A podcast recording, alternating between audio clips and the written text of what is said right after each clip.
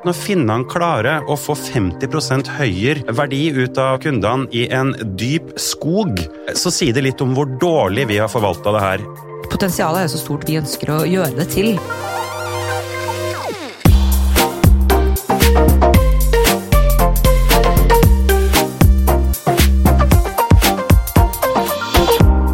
Skal vi lykkes i morgen, må vi ta gode beslutninger i dag.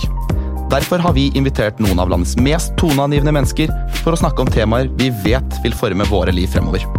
Dette er I morgen, en podkast fra oss i McKinsey Norge. Jeg heter Koris Gustani, og i dag Det er lett å undervurdere turisme som en fremtidsnæring når man diskuterer hva Norge skal leve av. Ferier, reiser og opplevelser kan tilsynelatende virke trivielt sammenlignet med havvind, batterier og hydrogen. Men med rundt 10% av det globale bruttonasjonalproduktet før pandemien er turisme i realiteten en global megaindustri. Så hva må egentlig til for at vi skal kunne leve av å invitere folk på besøk til oss? For å hjelpe oss med å svare på dette har vi i dag med oss to ja, jeg vil kanskje kalle dere guruer i norsk reiseliv. Daniel Kjeldam, konsernsjef i Hurtigruten Group, og Emilie Stordalen, markedsføringssjef i Nordic Choice Hotels. Velkommen til dere begge. Takk. Tusen takk. Når dere leser i nyhetene at hydrogen, havvind eller batterier er det vi skal leve av etter oljen, hender det at dere av og til føler at turisme, eller deres hjertebarn, eh, blir litt undervurdert som norsk fremtidsnæring? Ja, absolutt. Hver gang jeg hører de, så blir jeg faktisk utrolig skuffet over både politikerne sin manglende evne til å se reiseliv som den fantastiske fremtidsbransjen det er, men også oss sjøl i reiselivsbransjen uh, i vår manglende evne til å få belyst hvor fantastisk reiseliv er. For vi mener jo det her er en helt rå bransje. Mm. Som du sa i innledninga, det her er 10% av global BNP i verden. Det er tre ganger så stort som jordbruk. Uh, og vi har enorme muligheter til å få løfta den bransjen her opp i Norge. så Derfor så blir jeg ja, ganske skuffet når næringsministeren ikke løfter opp det, uh, den bransjen her til, det, til den mulighetsrommet som ligger der. Mm. Mm. Hva med deg, Emilie? Nå er jo ikke jeg helt subjektiv, for jeg har jo vokst opp med dette her. Men eh, jeg holder veldig med det Daniel sier, og det som er veldig interessant med vår næring, er jo at det er jo ikke bare på måte, størrelsen på den som er viktig, det er mm. også hvordan den treffer landet vårt, og hvor viktig den er for enormt mange av de politiske spørsmålene og utfordringene vi står overfor. Enten om det skal være integrering, distriktspolitikk, eh, få unge inn i arbeid. Og det også er jo områder hvor jeg blir sånn Det er så enormt stort mm. potensial. da blir veldig nasjonalromantisk når vi snakker om Norge med en gang. Daniel, i snart ti år har du som leder for Hurtigruten Group gitt norske og internasjonale turister store naturopplevelser langs kysten vår. Når du snakker med internasjonale kunder, hvorfor sier de at de legger ferien til akkurat Norge? Naturen vår er jo indrefileten i Norge. Det er derfor en veldig stor andel av gjestene kommer hit. Eh, og vi har jo en råvare i norsk reiseliv gjennom naturen mm. som er like rå som det oljenæringa, havvind, eh, oppdrett har. Mm. Eh, og det er den råvaren vi ikke må skusle bort i å selge den for billig. Eh, og vi må ikke skusle den bort gjennom å oppfordre til masseturisme, som skaper en altfor høy slitasje på den eh, råvaren. Vi må kort sagt ta godt vare på den, på lik linje med andre råvarebaserte næringer. Mm. Og Emilie, du nevner jo selv, du er litt født inn i denne bransjen. Din, du og din familie har jo vært noen av landets fremste tilretteleggere for turisme. Mm. Hva er det som har satt seg hos eh, gjestene dere har eh, på besøk? Eh, det er mye av det, selvfølgelig. Altså, når vi snakker om det som heter leisure tourism, da, så er det naturen som Daniel mm. sier, står i stor fokus. Men der, man skal ikke undervurdere i dagens politiske klima heller at Norge og egentlig hele Skandinavia oppleves som veldig trygt. Alt funker veldig bra. Mm. Det er trygge rammer for å utvikle business. B2B-konferanser syns det er veldig fint å ha sine store arrangementer her. For vi er mer enn bare den naturen også. og bare for å legge til ett punkt på det, for det er ganske relevant det, det Emilie tar opp her. Vi seiler jo veldig mange plasser i verden hvor det er fantastisk natur også. Chile, Argentina, Alaska. Eh, det som skiller Norge fra en del av de plassene der, er jo at det bor folk i denne fantastiske naturen. Mm. at det er kultur, at du ser levende lokalsamfunn. Mm. Eh, og det er også det Emilie er inne på, at reiselivsnæringa har jo noe som mange andre næringer ikke har. Altså at å drive en enorm sysselsetting eh, i områder hvor det kanskje ikke er så lett eh, å få jobb. Det er en bransje som sysselsetter mange kvinner, mm. og som Emilie sier, bringer folk inn i arbeidslivet. Men, men det som virkelig gjør naturen vår rå, er at det bor folk her. At det er et kulturelt øh, mangfold i den naturen. Dere snakker begge to med ekstrem lidenskap om dette. og Hvilket potensial mener dere finnes i norsk turisme? Potensialet er så stort vi ønsker å gjøre det til. Altså, det er et veldig klisjéfullt svar, men eh, vi har nok ikke vært gode nok i Norge. Mm. Sverige har vært litt bedre, Finland har vært litt bedre på å eh, organisere oss og se mulighetene som ligger her. Eh, for det er Én ting er på en måte de turistene som kommer, men det er reiselivsnæringen rommer så mye mer enn det. Det er business, det er store konferanser. Eh, det er, det er et enormt mulighetsrom her. Og eh, der har vi ikke vært gode nok til å mm. gripe det, så det ligger mye, mye å hente. For når vi snakker om fremtidsnæringene i Norge, er det kanskje disse energinæringene man først tenker på? Næringer som har et utvilsomt stort potensial, men som krever omfattende utvikling, store arealer og hardt arbeid over ganske lang tid. Norsk turisme kan vel bli sett på som en slags halvslipt diamant. Jens Frølich Holte fra McKinsey, velkommen til deg også. Takk, takk. Vi har jo begge vært med på å skrive denne rapporten Norge i morgen, hvor vi trekker frem nettopp turisme som en av ti virkelig store mulighetsnæringer for Norge i årene fremover. Hvordan ligger det egentlig an med dette vakre landet nå på tampen av 2022? Vi kommer fra en, en periode hvor det var ganske mange gode turistår. Um, internasjonal den økte 6% fra 2018 til 2019. Og så kom uh, koronaen. Reiselivet ble stengt ned, basically. Og nå, etter koronasituasjonen, så er alle kortene delt ut på nytt. Turismen er på full fart uh, på vei tilbake. Og Norge har en helt unik mulighet til å ta eh, ledertrøyen både i Norden og Europa. Men det er flere land som tenker slik. Eh, vi ser både at eh, Sverige og Danmark har laget nye turiststrategier. De er på offensiven, og Island har en ny strategi som prioriterer verdi over volum for turisme. Så det er ganske hard konkurranse. Og så ser vi at det i tillegg er store forskjeller på hvordan land klarer å kapitalisere på de turistene som faktisk kommer. Eh, I nabolandene så legger hver turist eh, igjen betraktelig mer eh, enn de gjør i Norge, selv om de i mange tilfeller faktisk oppholder seg lenger i Norge når de først kommer hit til landet. Det kanskje det mest sånn, ekstreme eksempelet her er Finland, hvor eh, hver turist legger igjen eh, over 50% mer eh, enn i Norge. Det er en veldig stor forskjell.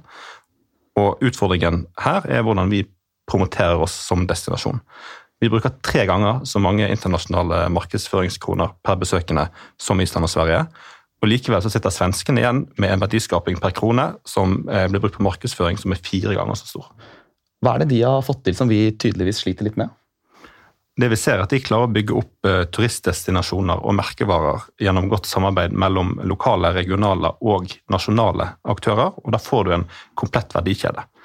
Et eksempel her er Finland. Ehm, I byen Rovaniemi i Lappland, helt eh, nord i Finland. Det er et område hvor det generelt sett er veldig lite som skjer. Men da har de klart å lage en populær turistdestinasjon ved å lage et konsept og en merkevare rundt eh, julenissens hjemsted. Og Da blir dette området en helårsdestinasjon. Det blir en motor for turistindustrien der oppe. Det kommer folk langveisfra for å besøke julenissen der her eh, har Norge store muligheter. Vi burde jo kanskje vært julenissens eh, hjemland, eh, men vi ser at vi kan få til det samme langs Helgelandskysten, Lofoten, Tromsø, Svalbard på Vestlandet. Mulighetene våre er store. Mm. Så turismen i Norge trenger eh, egentlig en skikkelig storsatsing? En type industrialisering av norsk reiseliv, rett og slett? Hvor stor verdiskapning kan dette føre til i kroner og arbeidsplasser, hvis vi faktisk lykkes med ulike tiltak? I Norge i morgenrapporten så trekker vi frem eh, en satsing på internasjonale høykvalitetsturister som et utgangspunkt når vi skal få eh, reiselivsbransjen til å nå sitt fulle potensial. Beregningene som vi har gjort, viser at sektoren kan få um, mot 14 milliarder kroner i økt verdiskaping og 17 000 nye arbeidsplasser i 2030 hvis vi klarer å få til en skalering og mer helhetlig eh, tenking. Men da må vi få marginene opp i bransjen. Det tror jeg nok eh, kanskje at mine to medgjester er veldig enig i at vi skal få til. Dette er en næring som sysselsetter mange mennesker. Eh, det er en tjenestenæring eh, som kan gi veldig, veldig stor verdiskaping i alle deler av landet. og det bør være veldig top of mind for alle politikere i Norge og næringslivsaktører i hele, i hele landet vårt. At vi kan bruke det fortrinnet vi har. For det er sånn som Daniel sa, vi har et, vi har et fortrinn med natur, kulturopplevelser, i, i alle deler av Norge. Og det er det bare å spille på. Ganske vesentlige tall og en eh, ja, enorm mulighet for Norge. Og så trekker vi også fram et uh, nyord i rapporten vår, Jens. Det er uh, dette med høykvalitetsturist. Hvordan henger dette ordet sammen med økt inntjening i norsk turisme, og hva betyr egentlig høykvalitetsturist? Ja, høykvalitetsturist kan også kalles en drømmeturist. Det er i hvert fall personer som kommer til landet vårt, og som legger igjen store verdier i Norge, og samtidig har et lavt karbonfotavtrykk. Og Det er, det er et, eh, kanskje et paradoks at vi vil at masse folk skal reise til Norge eh, og samtidig ha et lavt eh, karbonfotavtrykk. Nå skjer det heldigvis veldig mye spennende teknologiutvikling når det gjelder reiseliv, både sånn internt i Norge med, med, med, busser, biler, kjøretøy som blir elektrisk, eventuelt hydrogen. Og du har en rivende utvikling i, i skipsfarten og i luftfarten. Eh, slik at Vi vil nok komme til et punkt hvor det å kunne reise langt eh, og tiltrekke seg turister som betaler mye, vil være eh, forenlig med å ha et lavt karbonfotavtrykk. Det står som nevnt ikke på attraksjoner vi kan tilby i Norge. Vi har alt fra fjord og fjell, nordlys og brevandring til sprellende fisk og helleristninger i min hjemby Sarpsborg. Dette burde jo i mine øyne kunne selge seg selv, men likevel, som Jens sier, vi bruker mer penger enn våre naboland på markedsføring, og sitter igjen med mindre inntjening. Er dette noe dere kjenner igjen? I aller høyeste grad. Norge har vært en tragedie de siste 20 årene når det gjelder å markedsføre det fantastiske vi har i utlandet. Og nå, nå er det putta tall på det. Det kommer tydelig fram, og vi ser det også på, på måten man markedsfører eh, Sverige i utlandet, Finland i utlandet, Island i utlandet. Og det er klart at når finnene klarer å få 50 høyere eh, verdi ut av, uh, ut av kundene i en dyp skog eh, i Nord-Finland, som er ingenting Eh, så sier det litt om hvor dårlig vi har forvalta det her eh, de siste årene. Og jeg mener det må til en, en, en organisasjonsendring her. Reiseliv har eh, ligget under Innovasjon Norge, som sikkert gjør en veldig god jobb på veldig mange måter, men de er ikke et organ som kan sette av nok fokus til den konkurransen som er på reiselivsmarkedet her. Mm. Vi må få opp en annen organisasjonsform. Vi er villige til å være med å betale eh, for det gildet her, og for å få det til, men ikke med det enormt svake fokuset som det har hatt de siste 20 årene. Dette må ses på som en skikkelig næring, vi må ha en skikkelig strategi, og vi har råvaren liggende rett foran øynene våre. Hva med dere, Emilia? Nei, Jeg uh, har noen punkter her som jeg også tenkte på. Den første er organisering, som Daniel tok, som er enormt viktig. Jeg holder egentlig med alt han sier. Og i den organiseringsdelen så kommer jeg litt tilbake til hvordan type business vi også tiltrekker oss. Mm. Svenskene for eksempel, er helt rå på dette vi kaller business to business, å få de store konferansene. Uh, fordi én ting er på en måte natur, at vi skal selge naturen vår, men ta en by som Göteborg, da. De har et uh, organ som heter Göteborg Company, som der hvor alle hotellene betaler inn, alle aktørene. Litt sånn som vi egentlig har i Visit Oslo, men de er bare bedre organisert. Og de får inn de store konsertene, de store messene. Da snakker vi om at kunder legger igjen masse masse penger. Og byen blir brukt, restaurantene blir brukt, folk shopper. Eh, så én ting er hvilken type business, B2B, organiseringen. Ehm, og så tror jeg også at man skal være litt bevisst på den rettede markedsføringen. For man kan innenfor markedsføring bruke så mye penger du bare vil, mm. men hvis ikke den er Hvis du ikke har en klar strategi og en tydelig retning med hvor de pengene skal gå hen, så er det som å kaste penger ut av vinduet. Og det ser jeg på nå, siden jeg er litt ung og fresh her, kan jo jeg ta influensere som et uh, eksempel. Men har du en influenser med 300 000 følgere, så er det veldig lett å tenke at du skal markedsføre via den personen. Mm. Men om alle de 300 000 følgerne er 13 år, så hjelper det ingenting. Og bor i Russland, så hjelper det ikke. Nei, men Det er litt sånn, det høres banalt ut, men det er dritviktig. Da vil du heller gå for den personen som har 10 000 følgere, men de er 40-50 år og bor i Skandinavia. Og Daniel, du har eh, tidligere sagt at turisme behandles litt som en eh, søt attåtnæring av regjeringen. Nå har du vært inne på mange av punktene, men hva er det som må leveres fra myndighetshold for at næringen virkelig skal blomstre til sitt eh, potensial? Det må leveres en vilje til å satse på den næringa her, først og fremst. Uh, og jeg har tatt ordet i mange mange år for å ha en reiselivsminister som mm. har fullt fokus på det næringa her har uh, å by på. Uh, og, og, etter vi ser liksom det fokuset som har vært fra flere næringsministre nå, inkludert den siste, som ikke er til stede på det her i det hele tatt, så bør man få det. Og, og bare som Man må også satse, tør å satse på litt flaggskip, de med internasjonal gjennomslagskraft. Eh, og det er sånn i dag at Hurtigruten-gruppen bruker mer penger på markedsføring i utlandet av Norge enn det Visit Norge gjør. Eh, og det sier litt. Samtidig så er vi i Norge litt for flinke til å dyrke vertskapet. Vi tror at det er det som skal få oss i mål på det her. Og jeg har kjemperespekt for fantastiske vertskap. Jeg elsker fantastiske vertskap. Det er noe av det vi virkelig kan, kan bruke til å selge Norge i utlandet. Men det er ikke det som skaper gjennomslaget. Mm. For å få gjennomslag i utlandet så må man ha større bedrifter, som Hurtigruten-gruppen, Choice og andre, som har muskler til virkelig, virkelig uh, å markedsføre uh, Norge. Og, og, vi konkurrerer jo med alt fra safari uh, i Afrika til en tur i Alaska til Antarktis, til Sverige, Finland og Island, som ser, ses også på, på, på, på mange måter likt uh, som, som, Norge. Så vi har en enorm konkurranse, mm. og vi må virkelig virkelig skjerpe oss. Men, men, først og fremst så må det her løftes opp som en, en næring politikerne ønsker å satse på. Mm. Og Det merker vi også når vi er bare for å skyte inn f.eks. på Arendalsuka eller andre politiske uker. Når vi snakker, og det var litt som du også sier, når man prater om næringen, så er det veldig mye positivitet, og det er spennende, og skal vi, vi, skal selvfølgelig satse, og det er veldig mye ord. Mm. Eh, men rammebetingelsene er ikke der. Det langsiktige perspektivet finnes ikke. Og det er veldig rart at ikke noe politisk parti tar det eierskapet til en så stor del av Norges befolkning. Det er så mye mennesker som jobber mm. her, og det er så viktig. Så litt bedre rammebetingelser og litt bedre forutsigbarhet. Det og så tror jeg også at vi i næringa kan takke oss litt sjøl gjennom, gjennom, de siste årene. Fordi at, fordi at, vi er for lite flinke til å samle oss. Nettopp. Vi er for lite flinke eh, til å samle oss blant de store aktørene mm. til å drive lobby opp mot politikerne. Så man ser at havbruksnæringa, oljenæringa, havvind, alle de store batterifabrikknæringa, eh, mm. for all del, eh, de er veldig flinke til å drive lobby opp mot politikerne. Mm. Og vi i reiselivsnæringa har vært altfor fragmentert og altfor lite flinke til å få løfta opp det her fra den litt søte attåtnæringa som er hyggelig å, å vise fram til, til, politikere på besøk fra utlandet eller forretningsforbindelser på besøk fra utlandet, men som ikke ses på som en skikkelig næring. Og Det så man jo veldig tydelig i koronasituasjonen, når det var snakk om støttepakker eller Hvor fort kom den oljepakken på plass, og hvor lang tid måtte vi kjempe for å få liksom Oljepakka kom på ei uke, ikke sant? Yes. og de trengte den ikke engang! Og det, altså, men, og det er, så vi må takke oss selv. Men som dere nevner, det er eh, ganske fragmentert og lite samarbeid på tvers. Men her sitter da dere to på hver deres uh, haug, hva skal man si, eller hver sin Fort Knox, som to store selskaper i Norge. Hvor stor og hvor god er egentlig samarbeidet dere imellom? Nå er jo vi litt, litt sånn halv... Ikke familie, men vi er litt sånn kusine, søsken eh. altså, Jeg vil jo si vi har et godt samarbeid, Daniel. Du og jeg har alltid Masse, du og jeg aller høyeste grad. Altså, vi har masse morsomme dialoger, og vi er litt sånn fetter av kusine og søsken i, i vår relasjon. Eh, det som, og, og, jeg er sikker på, hadde vi liksom eh, eh samla, så kunne vi fått en del, men det som virkelig må til, er at hele næringa, de mm. store aktørene, mm. eh, får den plassen. Ja, så Mens du er inne på det, Daniel, nå som kortene på en måte skal deles ut på nytt i en eh, etter pandemitid.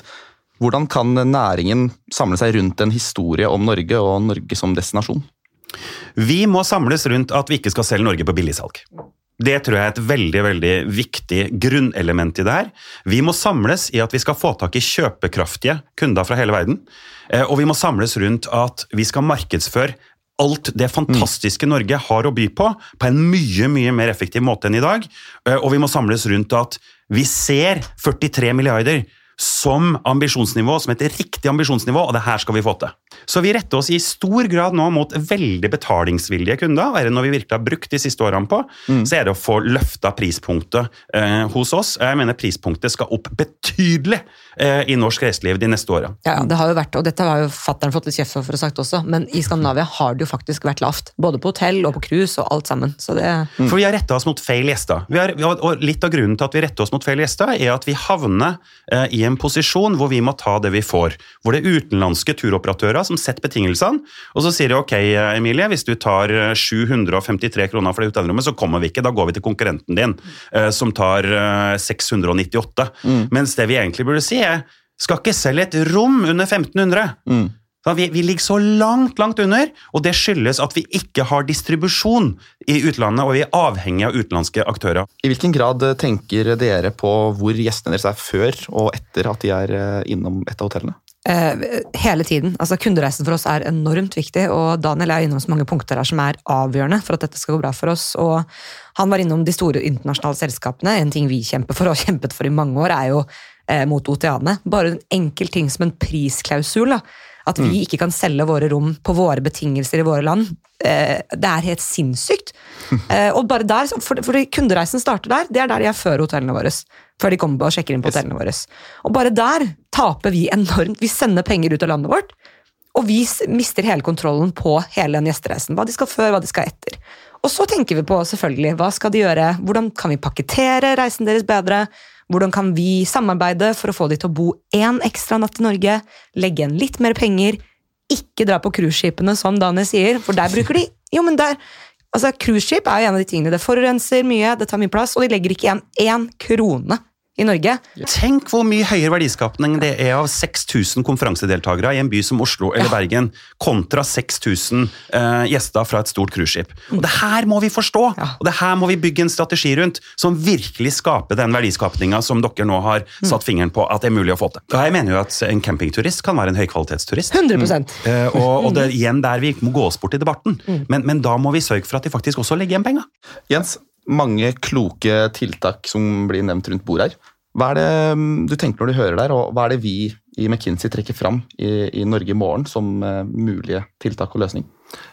Eh, Først og fremst så mener vi at fragmenteringen må bli mindre, det må konsolideres mer. Um, og Der har både Emil og Daniel veldig gode poenger. Eh, Et, et veldig sånn konkret eksempel på dette er hvordan, hvordan regjeringen jobber med reiseliv. Eh, Jeg har jo bakgrunn fra regjeringsapparatet og har sett at det er, det er fragmentert, eh, dette her. Eh, Hvert departement har sine små kjepphester når det gjelder turisme. Sånn, Samferdselsdepartementet har for så vidt ansvar for hurtigrute og veier som skal frakte turistene frem. Um, I Klima- og miljødepartementet da jeg var der, så laget vi en sånn besøksstrategi for nasjonalparker som het eh, Velkommen inn. altså liksom Ikke gjør nasjonalparkene til noe folk skal holde seg ute, men at man inviterer turister og gjester inn på en litt mer hyggelig måte. Men dette er jo sånne initiativer som går ikke sånn strategisk i ett eh, dokument eller i én retning. Det er mer eh, hyggelige ting som skjer, eh, og så hjelper det turistnæringen på, på si. Så det er, det er absolutt noe som bør eh, tas tak i. Og så har jeg veldig sans for argumentet med litt større flaggskip. Det går ikke på bekostning av de små, men det, det gjør tvert imot at vi vil få sjansen til å vinne mer business. Så Jens, vi bør eh, se på turisme litt som eh, flere av de andre energinæringene vi trekker frem, bl.a. vindkraft. Hva innebærer dette i praksis for eh, turismenæringen? Sammenlignet med, med nordiske naboer så har Norge vært, lenge vært for passive når det gjelder turisme som næring. Vi har stort sett eh, lagt til rette for den eh, turismen som kommer inn her, og eh, på en måte tatt til takke med det. Men vi må ha en mer offensiv, strategisk og proaktiv holdning eh, i tiden fremover. Kort sagt, vi må samle næringen, eh, bli mer profesjonelle i den måten vi henvender oss til de attraktive eh, målgruppene. En mulighet for å oppnå det er eksempel at myndighetene legger til rette for en konsolidering og oppbygging av sterkere internasjonale selskaper. Men hvorfor eh, kan, kan ikke næringen få til det alene? Hvor, hvor fragmentert er det egentlig, Daniel? Nei, Vi har jo prøvd å satt deg på agendaen de siste 20 årene, uten å nå gjennom verken med reiselivsminister eller en uh, Visit Norge-strategi eller, eh, eller noen ting. Så, så næringa har prøvd, mm. men vi har ikke nådd gjennom. og Det skyldes kanskje at vi ikke har vært gode nok, men det skyldes nok også at mottaksapparatet, politikerne, ikke har vært gode nok til å forstå mulighetene i den næringa. Det her har litt med at man lager rammebetingelser for reiselivsnæringa som er bra. og Tilbake til de monstercruiseskipene med 6000 senger. Eh, hvis man bare har stilt krav til de, så hadde ikke det nødvendigvis vært noe, noe problem. Men det er klart at eh, noe av det som lykkes med oljenæringa tilbake på 70-tallet, var at man stilte krav til de utenlandske aktørene. Man sa vi tar gjerne imot dere, men dere er nødt til å gjøre det og det og det, og skatte det og det og det. Nå har regjeringa putta på, på bordet et, et krav til, cruiseskip om norsk løn, lønns- og arbeidsvilkår. Vi er supersupportive eh, til å gjøre det, og det har med igjen å stille krav til hvordan man skal operere når man er i norske farvann og bruker norsk infrastruktur. Man burde stilt krav til eh, også verdiskapning. Eh, lokalt kjøp. Eh, for veldig mange av de her har jo med seg frossenmat lasta i eh, Bremerhaven. Ikke sant? Ikke norsk i det hele tatt. Billig er det nok. Eh, men vi burde stilt krav til utenlandske aktører, mm. og, og skape en grobunn for en reiselivsnæring som virkelig kan ha mye høyere marginer enn i dag, som kan investere eh, de neste årene. Og, og da må vi nok ha politikere som forstår at det her er en bransje som kan bli ordentlig stor, mm. både sysselsettingsmessig og verdiskapningsmessig. Absolutt. Og så tror jeg jo at timinga kunne jo aldri vært bedre enn akkurat nå. Nei. Vi kommer ut av en pandemi hvor folk er så lei av å ting så lei av oppussinga, så lei av å sitte hjemme og drømme om fantastiske reisemål, så fokusert på bærekraft. mm. Og så gira på fantastiske opplevelser at jeg tror ikke det kunne vært noen form for bedre timing til virkelig å begynne å satse på reiselivsnæringa i Norge nå. Nå skal ikke jeg være devil's advocate, men det beste for klima og miljø er vel egentlig at vi reduserer global turisme totalt. Er egentlig kvalitetsturisme en form for eh, grønnvasking av næringen? Og der må jeg bare si også at Sånn kan du jo si til alle næringer. Det er som å gå med klær, og det er som å kjøpe mat. Jo, men det er det. Og så er det også en, en helt feil holdning at hvor mye um, høykvalitets... Altså hvor mye transport av turister står for de globale utslippene, den er mye mindre enn i mange andre næringer. Jeg sier ikke at det er bra, men alle næringer har et klimaavtrykk. Og da må vi være strategisk smarte og velge de næringene som har forutsetninger for å bli grønne i framtiden. Og reiselivsnæringa har i Norge spesielt har en helt fantastisk forutsetning for å bli grønn.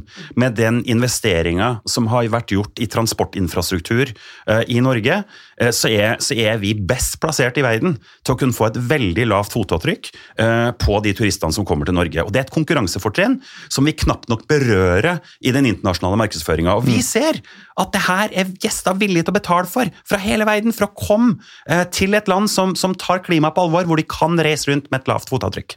Og så tror jeg at uh, verdens reiselivsbransje har vært i en race to the bottom på kostnader eh, gjennom altfor lang tid. Og jeg tror at de neste 10-15-20 årene så tror jeg nok at uh, den type produkter som satser på mer på kvalitet, lave utslipp, eh, kommer til å være vinnerne. Det er som du sier, Daniel, at de neste hva skal man si, ti årene i hvert fall vil være viktige for turisme. Jeg tror vi alle her inne er enige om at målet tross alt bør være å ta igjen naboene, svenskene og finnene, Herregud. Oh yes! og bli den destinasjonen Norge har potensial til å bli. Vi kan jo nesten ikke være mindre ambisiøse enn det, det er vi vel alle enige om. Så når vi en gang sitter her etterpåkloke og ser tilbake på utviklingen i norsk reiseliv i de viktige årene frem mot 2030, hvilken er den ene beslutningen vi må ta i dag for å lykkes med å nå disse målene i morgen? Vi må få en reiselivsminister, og vi må organisere oss smartere. Nå tok jeg sikkert det poenget du også. Nei, og Det er sikkert lov å si det samme, for jeg sier vi må ha en reiselivsminister, og vi må slutte å organisere internasjonal markedsføring av reiseliv i Norge under Innovasjon Norge, og skape et sterkt Visit Norge. Yes. Så dere er jo selvutnevnte fettere og kusiner, men dere håper da på å se hverandre mer fremover. Altså 100% og det tror jeg vi kommer til å gjøre også. Definitivt. Da blir det du som får eh, siste ordet her i dag, Jens. Hva er den ene tingen vi må gjøre i dag for å styrke Norge som destinasjon i morgen? Vi må alle bli enige om at det å satse på verdi over volum er veien vi skal gå. Eh, og så vil resten falle på plass hvis vi blir enige om den store tittelen. Veldig fint med sånn kloke konsulentord på tampen her. Det var kloke. Det er det. Kloke politikere og Det er det vi får betalt for. vet du. Ja. Tusen takk for at eh, dere kom, Emilie Stordalen og Daniel Skjeldam, og Jens Frølik Holte. Jeg heter Korist Kustani. Takk for at du hørte på i morgen.